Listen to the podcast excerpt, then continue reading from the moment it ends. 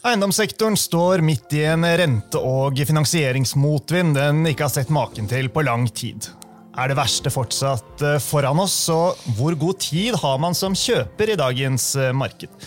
Dette skal vi snakke mer om i dagens eh, episode. Vi skal også få høydepunktene fra eiendomskonferansen til DNB, som nylig gikk av stabelen med rekordmange påmeldte investorer og bransjeaktører her i Bjørvika.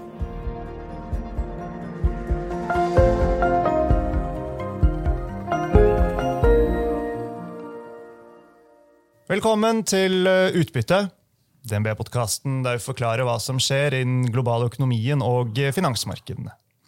Jeg er eh, Marius Brun Haugen, og med meg har jeg aksjeanalytiker Simen Mortensen fra DNB Markets og Tore André Lysebo fra DNB Weld Management Investment Office. Velkommen, begge to. Tusen takk. Takk for det.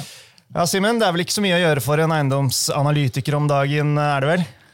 Nei, det, det, har jo vært noen store bevegelser, eh, spesielt i kapitalmarkedene. Og vi ser både på obligasjon og i uh, aksjer at det har jo vært enorme svingninger. Uh, som, som, egentlig ikke har begynt å skje i direktemarkedene nå. Det var ironisk, det spørsmålet. Så altså. det, det, er, det, er, hva skal vi si, interessen Men vi har jo over 1100 påmeldte og, til eiendomskonferansen vår. Og uh, det durer ganske jevnt i telefonen med mye spørsmål. Fordi vi er i den situasjonen hvor folk i finansmarkedet lurer på hva har blitt priset inn, og så har vi direkteaktørene som også spør. Så de har jo vi får inflow fra både direktemarkedet og finansaktører og alle andre, så det er enormt mye å gjøre. Men ja. det er gøy. Sånn er det. Du har jo dekket eiendomssektoren i, i, mer enn 15 år. Er det ikke det blitt? Eh, har du noen gang vært med på noen lignende som det bransjen står opp i nå, i forhold til dette med veldig mye høyere renter på kort tid, refinansieringsutfordringer osv.? Jeg jobba jo med finanskrisen, men da ble det over så fort. Det var det som skilte alle de gangene vi har hatt litt stigende renter eh, tidligere, sånn som under finanskrisen, under eh, Hellas-krisen og andre før pandemien, så begynte du liksom å merke litt at rentene var på vei opp. Men hver gang så har det gått såpass kort tid til rentene ble kuttet. Og det har ikke skjedd denne gangen. Så at tiden jobber imot sektoren. Jo, man må kjenne mer og mer på disse høye rentene etter hvert som renten forblir høyere over lengre tid. Så det er helt nytt i forhold til uh, hva vi har sett tidligere. Og de mm. belåningsnivåene som enkelte aktører har nå, er utrolig mye høyere eh, enn hva du kan bruke historikken til. Så her må liksom kalkulatoren fram på nytt. og det er ikke, noe, det er ikke mye historikk å bygge tilbake på. Hvor, hvor, stort er det samlede kapitalbehovet for norsk og svensk eh, eiendom? da? Altså, Går det an å si noe om? Det, det, vi har gjort noen kalkulasjoner. og Skal du kapitalisere opp de noterte selskapene som bare vi dekker, og hvis vi tror at yielden går ut det, Dette er avhengig av hvor mye liksom, yielden går ut, og hvor fort den går ut, og hvor, hvordan selskapene jobber med kjøp og salg. Men hadde dette skjedd over natta, at yielden hadde gått ut f.eks. 150 basispunkter, så trenger eh, sektoren rundt 13 milliarder euro for å komme ned på en 50% belåning. Og det er uten noen veldig store aktører som vi da ikke har analysedekning på. Mm. F.eks. Heimstaden, som har gått ut og indikert at de vurderer alene et sted mellom 20 og 30. For det er som du sier, ikke sant? Det, men det er ikke milliarder euro, da er det svenske kroner. Men eh, det, det er aktører her som har enormt kapitalbehov. Ja. Og, dette må jo løses enten med å selge eiendommer, og da er jo spørsmålet til hvilken eh, pris, eh, og låne penger til sannsynligvis høyere rente enn det man har gjort før, hos bankene eller i obligasjonsmarkedet, eller ved å hente egenkapital, eller en kombinasjon. da. Er disse pengene tilgjengelige? En ting, det, det, vi gjennomgår i eiendom nå, det er jo egentlig en finansiell krise. Det er, det er leietagere i byggene. Det betales leie. Og så lenge det er leie i byggene, så vil de selvfølgelig ha en veldig god verdi. For det er på et eller annet tidspunkt, da snakker vi egentlig bare om pris, og ikke nødvendigvis om vil bygget være i bruk. Og eiendommene er finansiert opp i dag.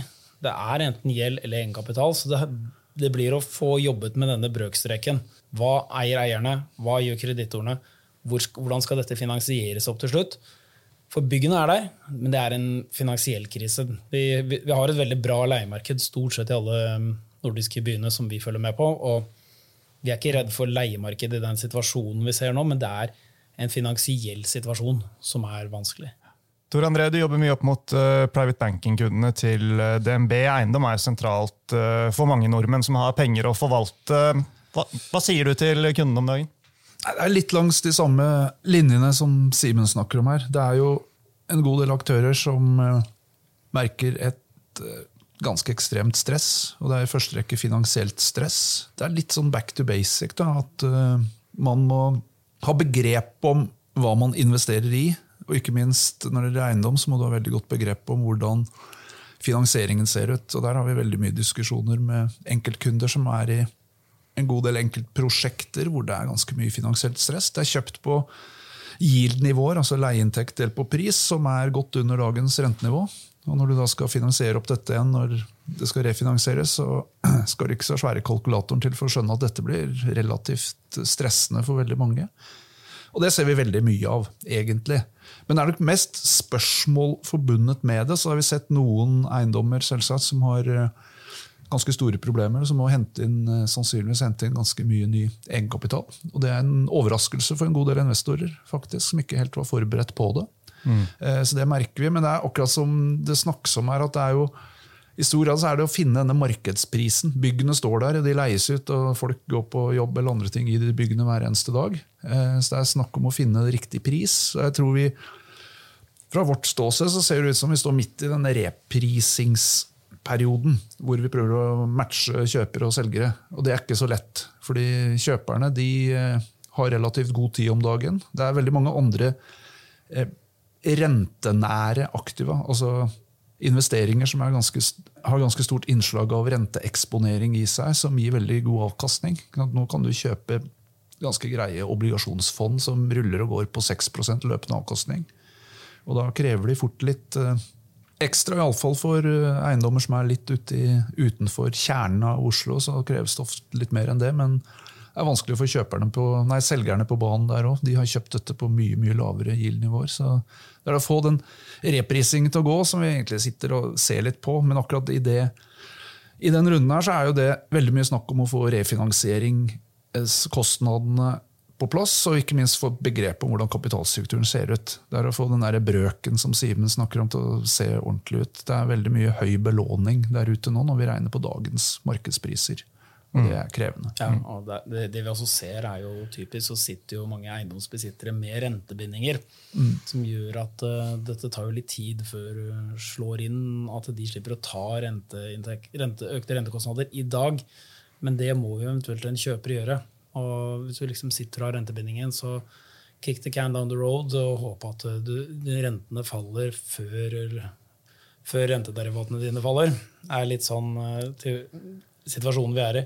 Mm. Men det er jo det kjempegapet mellom kjøper og selger som er det store problemet i dag. Og vi ser jo det i transaksjonsmarkedet. Du, mm. ja, det er veldig det er tydelig. Det er vanskeligheter med spesielt eksisterende prosjektbygg er jo vrient å få omsatt som regel. Men vi ser faktisk de siste månedene eller to, så har vi sett tilløp til at det dukker opp en del eh, nye bygg som legges ut for salg. Eh, som begynner liksom, og Der er jo prisindikasjonene ganske annerledes enn en god del av det vi har vært vant til de siste årene. Så vi har fort ser jo en IL-oppgang i noe av disse illikvide markedene på fort 2-3 prosentpoeng. Så det er liksom mulig å få tak i objekter nå på mellom 7 og 8-9 litt avhengig av hvor de ligger. selvsagt. Mm. Det er jo det vi ser, vi også, for nå har vi vært beløpet Og det gjelder jo hele Norden og hele Europa er jo at uh, transaksjonsvolumet faller jo så mye. Uh, det er jo ned, På rullerende seks mot toppen så er det jo ned 80% i transaksjonsvolum i Norden. Og det, det, sier at det er stor avstand mellom kjøper og selger.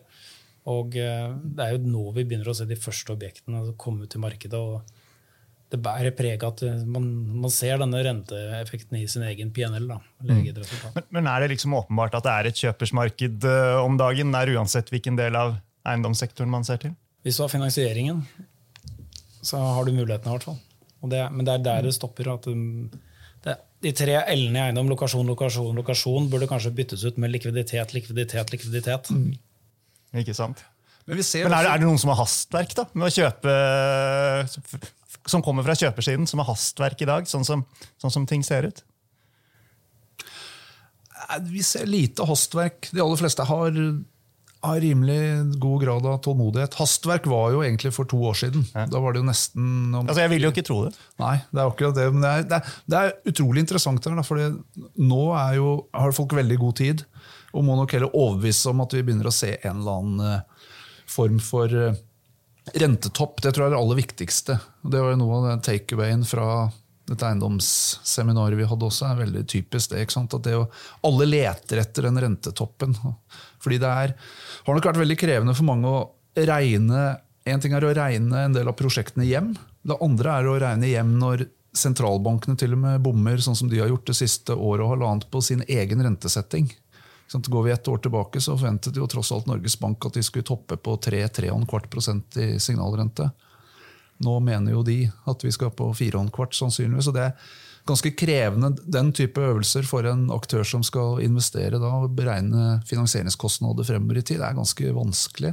Derfor tror jeg de er nok veldig mange her som ønsker liksom å få enda klarere og tydeligere signaler på at vi nærmer oss en rentetopp, sånn at det er mulig å regne litt mer på hvordan forløpet for finansiering skal se ut fremover. Så det er noen som har eh, merket godt det der at du må stadig jekke opp disse finansieringskostnadene. Det har nok eh, smertet ganske godt.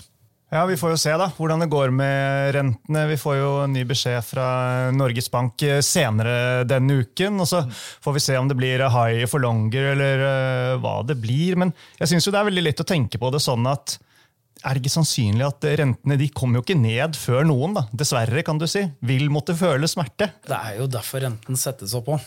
Det er jo ikke for at det skal være bra. Det, renten settes ned opp for å få ned etterspørselen og redusere aktiviteten og, og, og få ned inflasjonen. Den, det er jo grunnen. Jeg var eh, på en tur nå ikke for, faktisk i helgen og møtte en tidligere sentralbanksjef, og han sier jo det. Det viktigste er inflasjonen. Det kommer overalt. Og da gjør det vondt for noen. Og det er jo derfor vi kommer til å se folk som får det vondt. Det er målet med rentehøyningen. Så er spørsmålet hvor lenge vi blir der. Det er jo det store spørsmålet. Og ref dialogen som liksom også var på konferansen, er jo liksom tenk over rentebindinger. Tenk om rentesikring. Det er faktisk et verktøy man kan bruke uansett eh, stadie og tenke på som et produkt at dette er faktisk mulig å gjøre noe med. Det er jo et sånt syndikat som, som, symptom som vi tok opp på konferansen, at kanskje ikke folk har vært flinke nok til å jobbe med rentebinding til enhver tid. og det er et produkt man, man selger og bør være klar over at det finnes. I hvert fall, og ta seg en gjennomgang på det. I den grad jeg har noe inntrykk av det fra konferansen, eh, hvor ja, alt som kan krype og gå av aktører innen eiendom, var til stede. Altså, hvordan posisjonerer folk seg nå? Da Tar de høyde for at rentene skal være uh, høye i lengre tid, eller uh, sitter det mange her og håper og tror og regner med at det skal komme ganske fort ned igjen, faktisk? Jeg vil vel si, eh, Vi hadde jo også et paneldebatt med byggerne og utviklerne mot hverandre. og det, ut, Entreprenørene har vel ett syn som baserer seg på deres posisjon, og boligutviklere baserer seg på hvordan du er posisjonert, og det samme gjelder rentebindinger og alt. Alle har vel et syn basert på sin egen posisjon, og så er det litt håp i forhold til hva man skal, bør tro på i forhold til den posisjonen man sitter i. og det gjelder rentesyn, har du veldig god likviditet og veldig sterk balanse, så tenker man kanskje renta kan gå høyere, og da får jeg kjøpt enda billigere eiendom. og Er man høyt belånt, så håper man renta faller i morgen. Mm. Mm. Ja, det er veldig mye det det dreier seg om her. og jeg tror det er, det er viktig å huske på at det er i alle fall to typer aktører. akkurat de som Simen er inne på. Noen som har veldig god kontroll, har likviditet, og som Vi har også en god del folk som har sittet på om ikke på gjerdet, så ikke så langt unna en stund, og har en del kapital som skal inn. Men det er snakk om å få dette priskrysset til å fungere. Sånn at de faktisk får den prisen de er interessert i. Og få selgerne til å begynne å jekke seg litt opp i yield. Det er veldig mye det det er snakk om. Men som sagt, så vi, alle, vi begynner liksom å se litt konturene av de enkelte transaksjoner som vi ser blir for, i hvert fall prøves og gjennomført nå, så er GIL-nivået klart litt høyere enn det vi har sett på en ganske god stund. Så det begynner å skje lite grann. Men det er treg materie, dette her. Og det er veldig vanskelig for de som sitter med relativt høy gjeld eh, og ganske godt belånt, med lave egentlig inngangsgild-nivåer. sånn at kontantstrømmen er dårlig. Det er ekstremt viktig fremover. tror jeg Det også. Det er en sånn takeaway å ta at det er veldig viktig å ha god kontroll på cashflow her. Det er vesentlig. Og det er jo også rett inn til det Simen sa. Derfor er det greit at det er nok smart at enkelte begynner å tenke litt mer på rentesikring òg, for da har du mye bedre kontroll på akkurat det fremover også. Og det, og det er jo der liksom, hvor du kan gjøre en transaksjon med sikring, bruke fornuft. Vi tror liksom at markedet vil stabilisere seg, fordi den shakeouten som er i markedet nå, den kommer til å sitte en stund. Du, selv om renten skulle falle liksom, kjempemye i morgen, så vil mange aktører fortsatt huske at vet du hva, renten kan være mye volatilitet. Så vi kommer jo nok trolig ikke tilbake til det lave yield-nivået i uh, noe nært framtidsbilde som vi klarer å se for oss. i hvert fall. Mm. Men vi må innom uh, svensk eiendom. Det har jo vært uh, på kartet lenge. Der har det vært ekstra tøft. alle venter på at det skal smelle skikkelig. Altså, Hvor nærme er vi, er vi det? Ser du fra aksjesiden, så har det jo smelt. Det, vi pleier å si at nå er vi der aksjer har falt 95% og 90 det er, det er de prosentene som gir vondest. De siste fem som er igjen, det er jo bare TV-show. Mm. Eh, så skaden i finansielle verden har jo skjedd i de mest belånte aksjene, hvor du har sett fallene 90 og sett obligasjoner falle, halvere seg.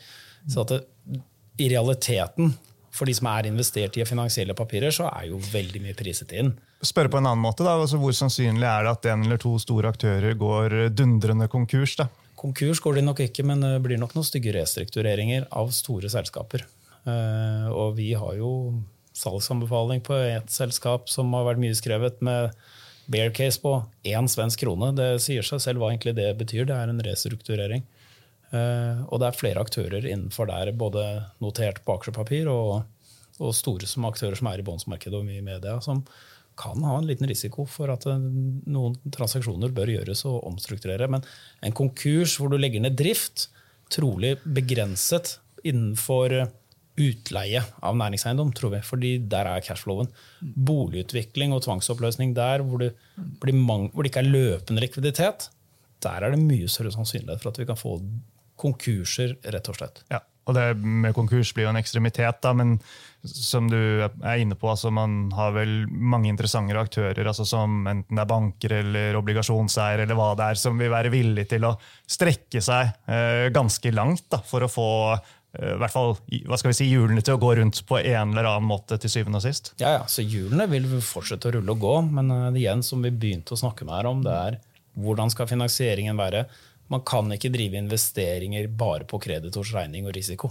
Eh, det godkjenner ikke de, og de krever høyere påslag pga. høyere risikoen er.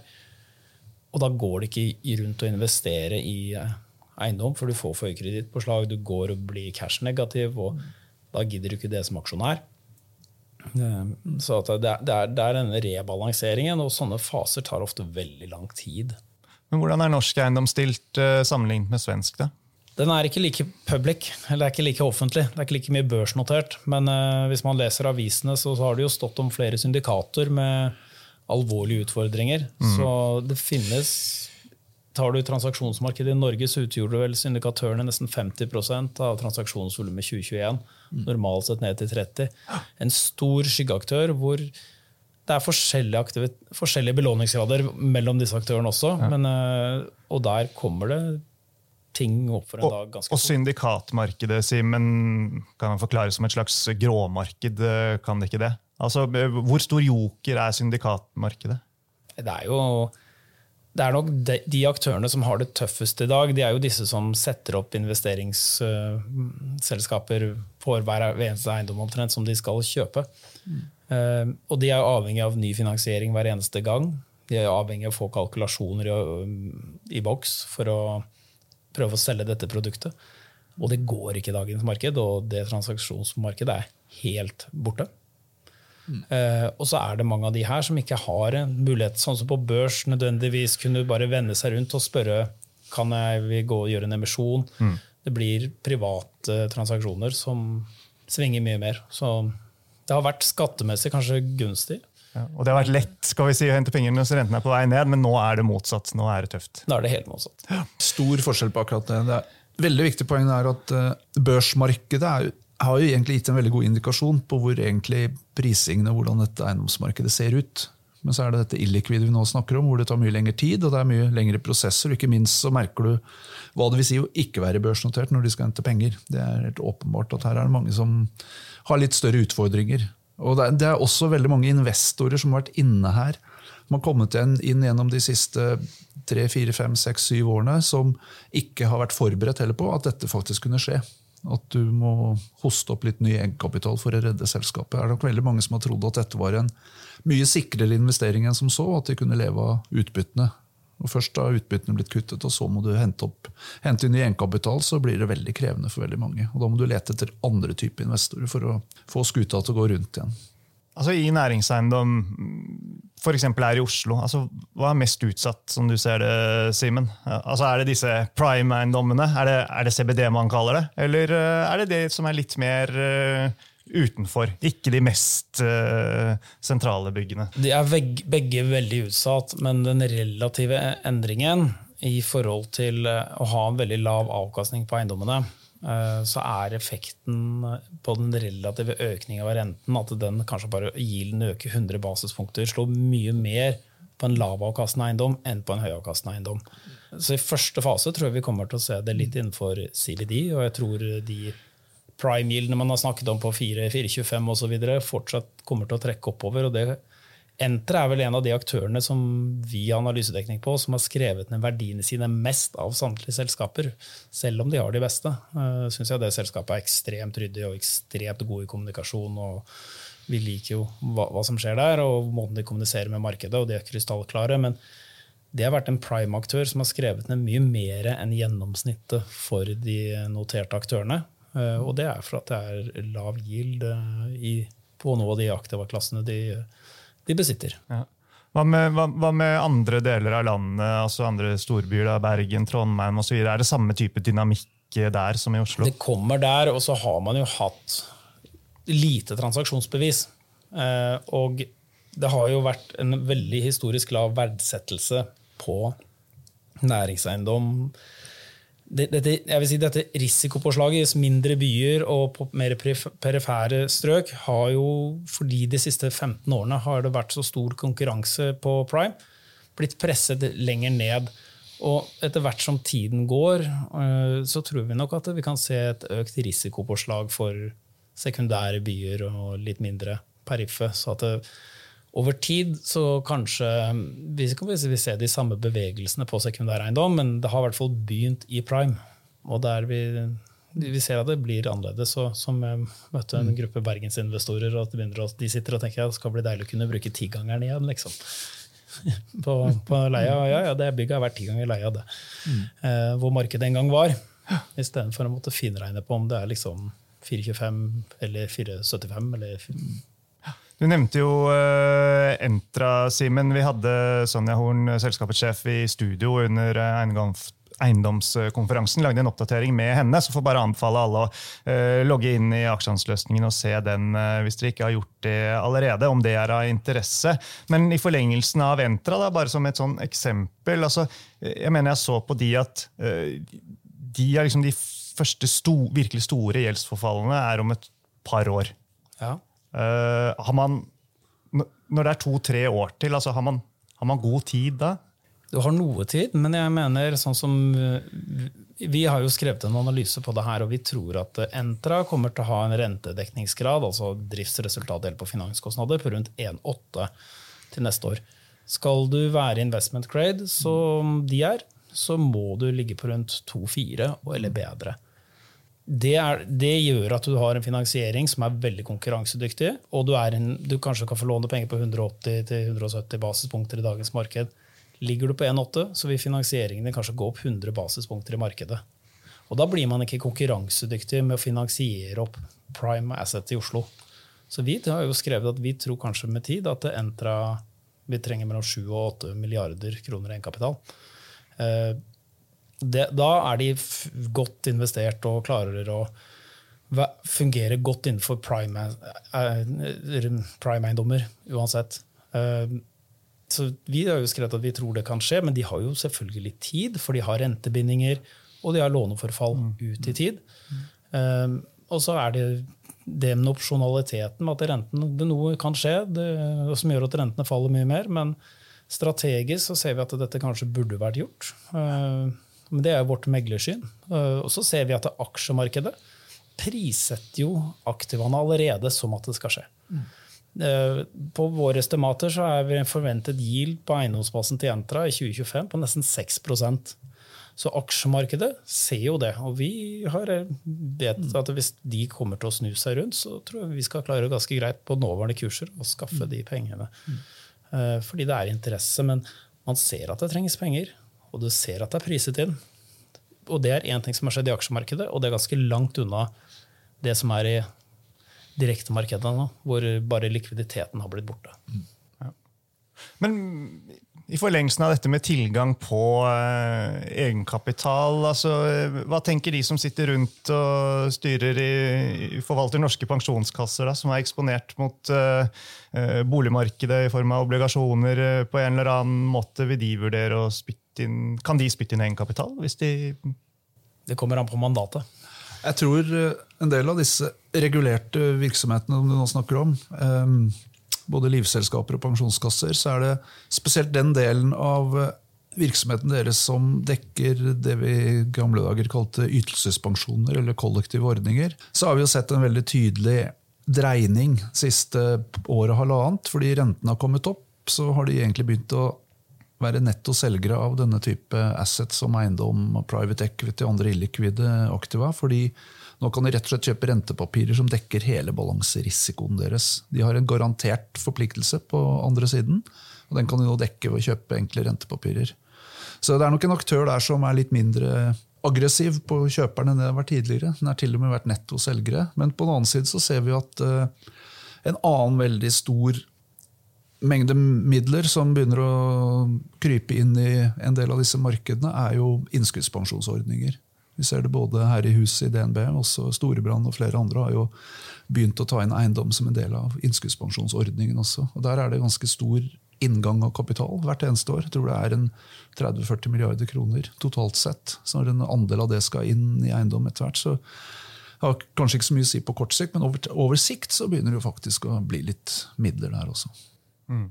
Ok, uh, med bakgrunn i alt det vi har vært uh, gjennom nå, altså som du sa, Simen, uh, vi har jo sett børskurser på eiendomsselskaper som har falt kraftig, kraftig.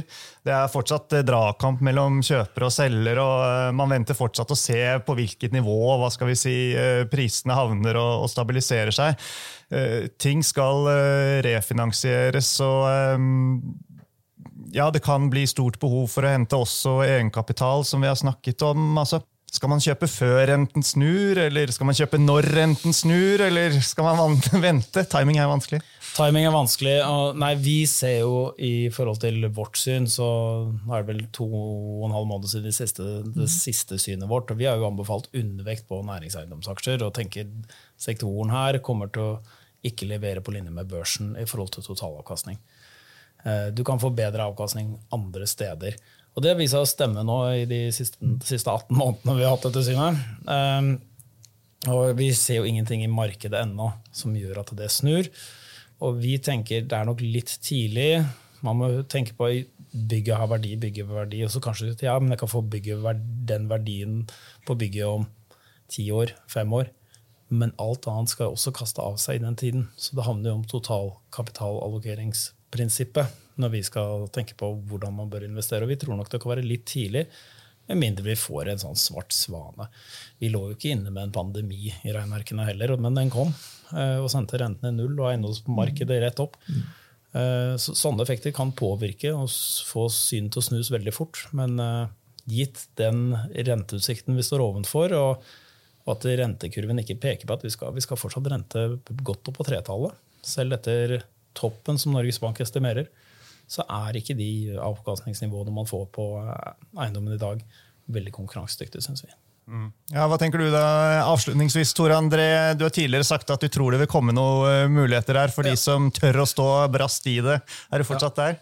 Ja, jeg tror altså, De neste 12-18 månedene så tror jeg fremdeles at eh, da står vi midt oppi den reprisingen vi snakker om. og Spesielt i den illikvide delen av markedet, det som ikke er børsnotert, så tror jeg nok det kommer til å dukke opp en, noen muligheter her. Så Det betyr at man må være i stand til å gripe akkurat de mulighetene. Eh, det er ikke sånn at du må gjøre det i dag. akkurat Det er relativt få muligheter nå, men jeg tror når vi ser at dette finansielle stresset blir enda mer prekært for enkelte, så kommer det nok til å være noen muligheter som dukker opp, og man kan være klar til å investere etter hvert. Men det er litt som Simen sier, at dette er definitivt Her har du ikke mye hast. Her er det bare å vente til det kommer.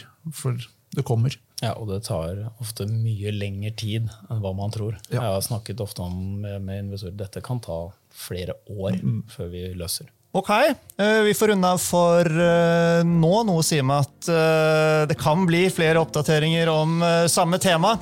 Så eh, med det så gjenstår det bare å si tusen takk til dere begge for at dere kom. Og sist, men ikke minst, tusen takk, folkens, til alle dere som hørte på.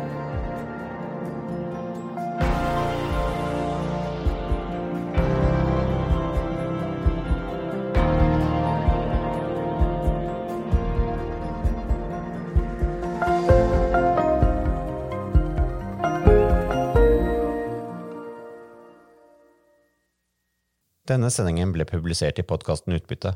Innholdet i sendingen er å anse som markedsføringsmateriale fra DNB og er ment å være generell spareveiledning. Sendingen skal ikke oppfattes som et tilbud om å kjøpe eller selge finansielle instrumenter, eller som investeringsrådgivning tilpasset den enkelte investors situasjon. En investor som har behov for råd eller har spørsmål og informasjon som gis, bør kontakte en finansrådgiver. DNB påtar seg ikke noe ansvar verken for direkte eller indirekte tap som følge av innholdet i sendingen legges til grunn for eventuelle investeringsbeslutninger. Husk at historisk avkastning aldri er noe garanti for fremtidig avkastning. Avkastningen kan bli negativ som følge av kurstap. Bruk av prognoser for å beregne fremtidig avkastning er heller ingen garanti for fremtidig avkastning. Innholdet i sendingen bygger på informasjon fra offentlig tilgjengelige kilder som DNB ser på som pålitelige, men som ikke er uavhengig verifisert. Følgelig gir DNB ingen garanti i forhold til nøyaktighet og fullstendighet. Alle uttalelser her reflekterer DNBs, den enkelte ansatte, eller andre tredjeparts vurderinger på tidspunktet for den aktuelle sendingen, og kan i ettertid endres uten nærmere beskjed. Ytterligere informasjon om bl.a. kildebruk og interessekonflikter er tilgjengelig på dnb.no skråstrek invest, bindestrek disklemer.